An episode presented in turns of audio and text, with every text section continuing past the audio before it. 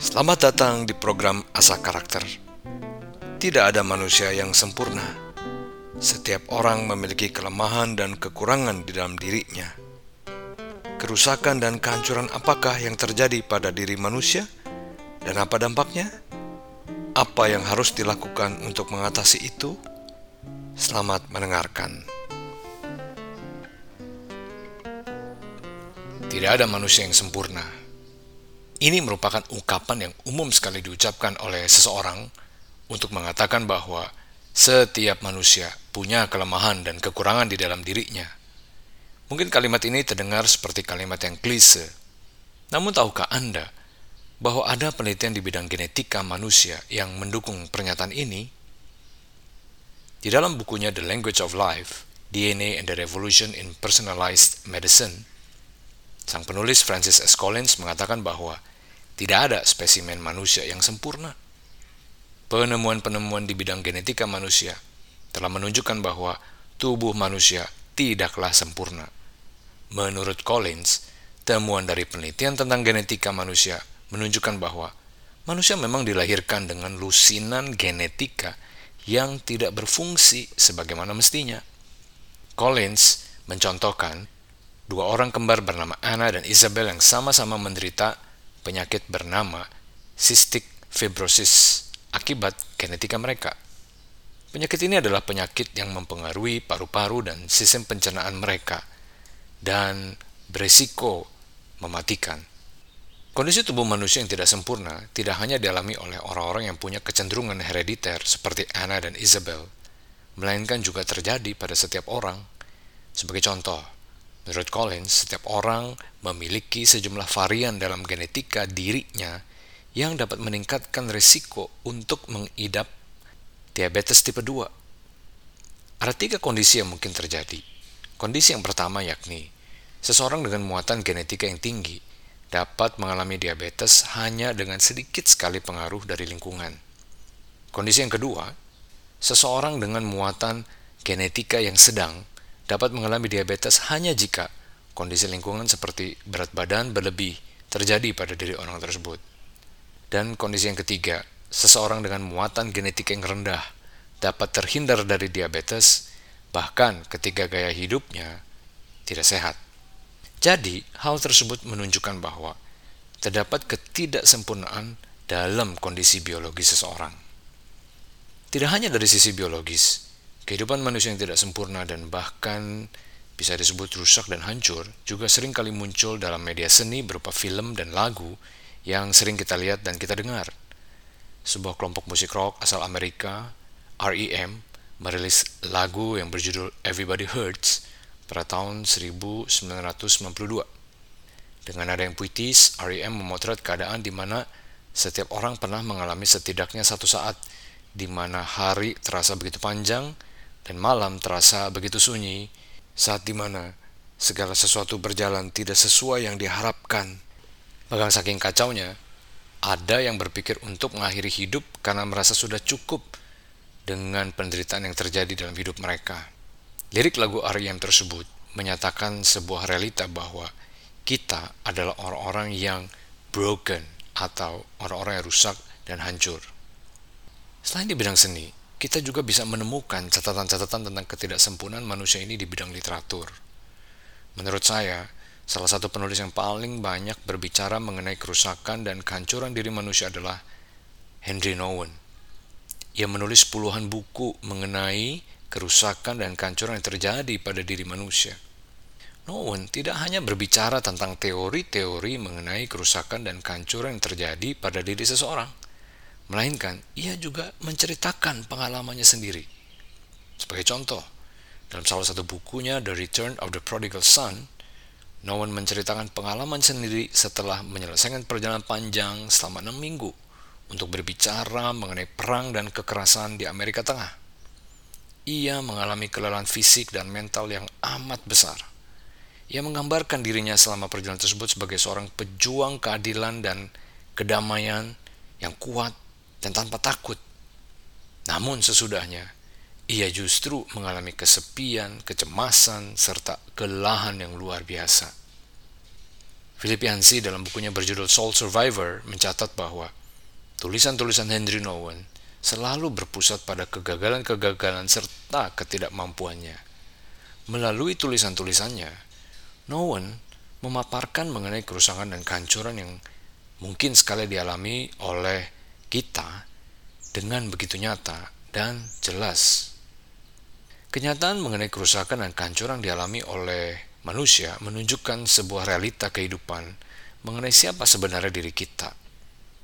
Kehidupan kita memiliki realita yang menunjukkan bahwa ada hal yang buruk dan jahat di dalam hidup kita. Walaupun demikian, Hendy Nowen mengatakan dalam bukunya yang lain berjudul Kau ubah ratapku menjadi tarian, bahwa orang-orang pada umumnya lebih memilih untuk menghindar dan menutupi kenyataan bahwa kita adalah orang-orang yang mengalami kerusakan dan kehancuran. Ini mungkin mirip dengan salah satu pandangan yang menyederhanakan kekristenan dengan mengatakan bahwa ada Tuhan yang baik di sorga dan segala sesuatunya itu baik-baik saja. Pandangan tersebut mengabaikan adanya realita mengenai hal-hal seperti dosa, kejahatan, dan penebusan. Bagi C.S. Lewis, pandangan seperti itu tidaklah mewakili realita yang sebenarnya.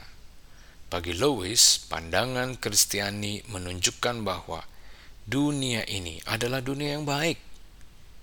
Namun, dunia ini telah menjadi salah atau keliru. Dan dunia ini tetap memiliki ingatan mengenai apa yang seharusnya terjadi. Ada dua macam bentuk kerusakan yang paling sering dialami oleh manusia, yakni kerusakan secara fisik berupa sakit dan disabilitas, dan kerusakan secara mental.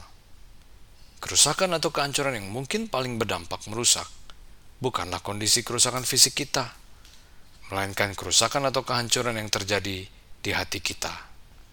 Hal ini terjadi karena kerusakan hati yang terjadi dalam diri seseorang sering kali tidak terlihat, namun dampaknya bisa begitu merusak. Kita adalah orang-orang yang pada dasarnya menderita karena kehilangan, kegagalan, dan ketidakmampuan diri kita. Salah satu contoh yang diberikan Nowen adalah dalam hal seksualitas manusia. Nowen berpendapat bahwa ada semacam kebutuhan di dalam hati manusia untuk dicintai dan untuk mengalami kesatuan dengan orang lain. Dalam kondisi seperti itulah, kebutuhan akan cinta yang dalam dan kuat itu mencari jalannya, bahkan dengan cara yang paling liar, sehingga bisa menimbulkan dampak buruk seperti AIDS namun mencontohkan bahwa AIDS merupakan bukti bahwa manusia punya kebutuhan akan cinta yang dalam dan kuat. Sehingga orang lebih baik merasakan cinta yang semu daripada hidup mengalami kesepian. Tanda kerusakan lainnya dalam diri kita adalah kita merasa butuh mendapatkan pengakuan dari orang lain. Bahkan, sampai rela melakukan apa pun untuk mendapatkannya. Kita merasa membutuhkan validasi eksternal untuk menegaskan siapa diri kita, apa yang kita pikirkan dan rasakan. Kita selalu mencari dukungan dan cinta untuk memastikan bahwa kita dapat mengalami kebahagiaan.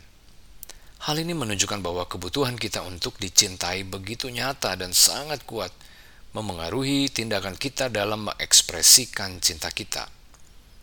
Sebagai contoh, seorang laki-laki yang mencintai istrinya mungkin mengekspresikan atau memberikan cintanya dengan penuh hasrat, bahkan sangat menggebu-gebu. Namun, jika diselidiki lebih dalam, apa motif ekspresi cinta yang dilakukan tersebut? Apakah demi kepentingan istrinya, atau justru sebenarnya hanya demi kepentingannya sendiri? Jika motifnya adalah hanya demi kepentingannya sendiri, ketika sang istri tidak menunjukkan balik cintanya kepada suaminya, atau tidak mengekspresikan cintanya kepada suaminya, sang suami akan merasa marah dan frustasi dengan kondisi itu. Begitu juga antara orang tua dan anak. Orang tua sering kali marah dan frustasi ketika tidak mendapatkan validasi dari anak-anak bahwa mereka mencintai orang tua mereka dengan cara taat terhadap kemauan orang tua. Ketika anak berhasil dan taat, orang tua merasa senang dan bangga. Sebaliknya, Ketika anak-anak gagal dan tidak taat, orang tua mungkin saja merasa marah dan frustrasi dengan situasi itu. Dengan demikian, sering kali apa yang terjadi pada diri anak menjadi penentu dalam kebutuhan akan cinta dalam diri orang tua. Maka, jika motifnya adalah hanya demi kepentingannya sendiri, orang tua akan selalu merasa frustrasi dengan ketidakmampuan anak-anak menunjukkan cinta mereka kepada orang tua. Jadi, bagaimana seharusnya kita meresponi kerusakan dan kehancuran yang kita alami? Ada tiga hal yang bisa kita pelajari dari Henry Nowen. Pertama, mari dengarkanlah dengan seksama suara Tuhan yang menyatakan kepada kita bahwa kita adalah anak-anak yang dikasihinya. Kita adalah orang-orang yang dikasihi Bapa Surgawi. Mengingat apa yang Tuhan katakan ini tidaklah mudah, karena ada banyak suara dari dunia yang menyatakan hal yang sebaliknya kepada kita, yaitu bahwa kita adalah orang yang tidak baik, tidak berharga, dan tidak layak. Suara-suara tersebut terus-menerus mengganggu kita dan membuat kita melupakan kitab suci yang sesungguhnya sudah menegaskan bahwa kita adalah orang-orang yang dikasih Allah. Kedua, tempatkanlah kerusakan kita di bawah berkat dan anugerah Tuhan. Kita mungkin berpikir bahwa kerusakan yang kita alami adalah sebuah kutuk. Kita berpikir bahwa peristiwa dan pengalaman buruk yang kita alami merupakan konfirmasi dari pemikiran negatif kita tentang diri kita sendiri. Seakan-akan apa yang kita alami menunjukkan bahwa kita memang adalah orang-orang yang tidak layak. Hal tersebut tidak menolong kita untuk mengatasi kerusakan yang terjadi pada diri kita namun sebaliknya, ketika kita meletakkan kerusakan kita di bawah kasih karunia Tuhan, maka kita akan mampu meresponi kerusakan yang terjadi pada diri kita dengan baik. Ketiga, bertemanlah dan berdamailah dengan kerusakan yang kita alami. Henry Nouwen meyakini bahwa pemulihan dari kerusakan kita sulit untuk dialami karena kecenderungan kita adalah untuk menghindar dari rasa sakit Sebaliknya yang perlu kita lakukan sesungguhnya adalah jujur dan mengakui bahwa kita adalah orang-orang yang terluka daripada kita menutupinya. Kemudian, kita perlu terbuka bahwa kita juga telah hancur karenanya. Barulah setelah itu, proses pemulihan terjadi. Episode-episode selanjutnya setelah ini akan membahas mengenai beberapa bentuk kehancuran yang dialami oleh seseorang, seperti kegagalan, ketakutan, penyesalan, penderitaan, dan rasa sakit. Hal ini untuk menunjukkan sebuah cermin diri yang realistis yang mungkin Anda dan saya alami dalam hidup kita. Kita akan melihat bagaimana melalui kehancuran tersebut kita bisa mendapatkan pelajaran yang paling berharga mengenai kehidupan yang penuh dengan karakter. thank you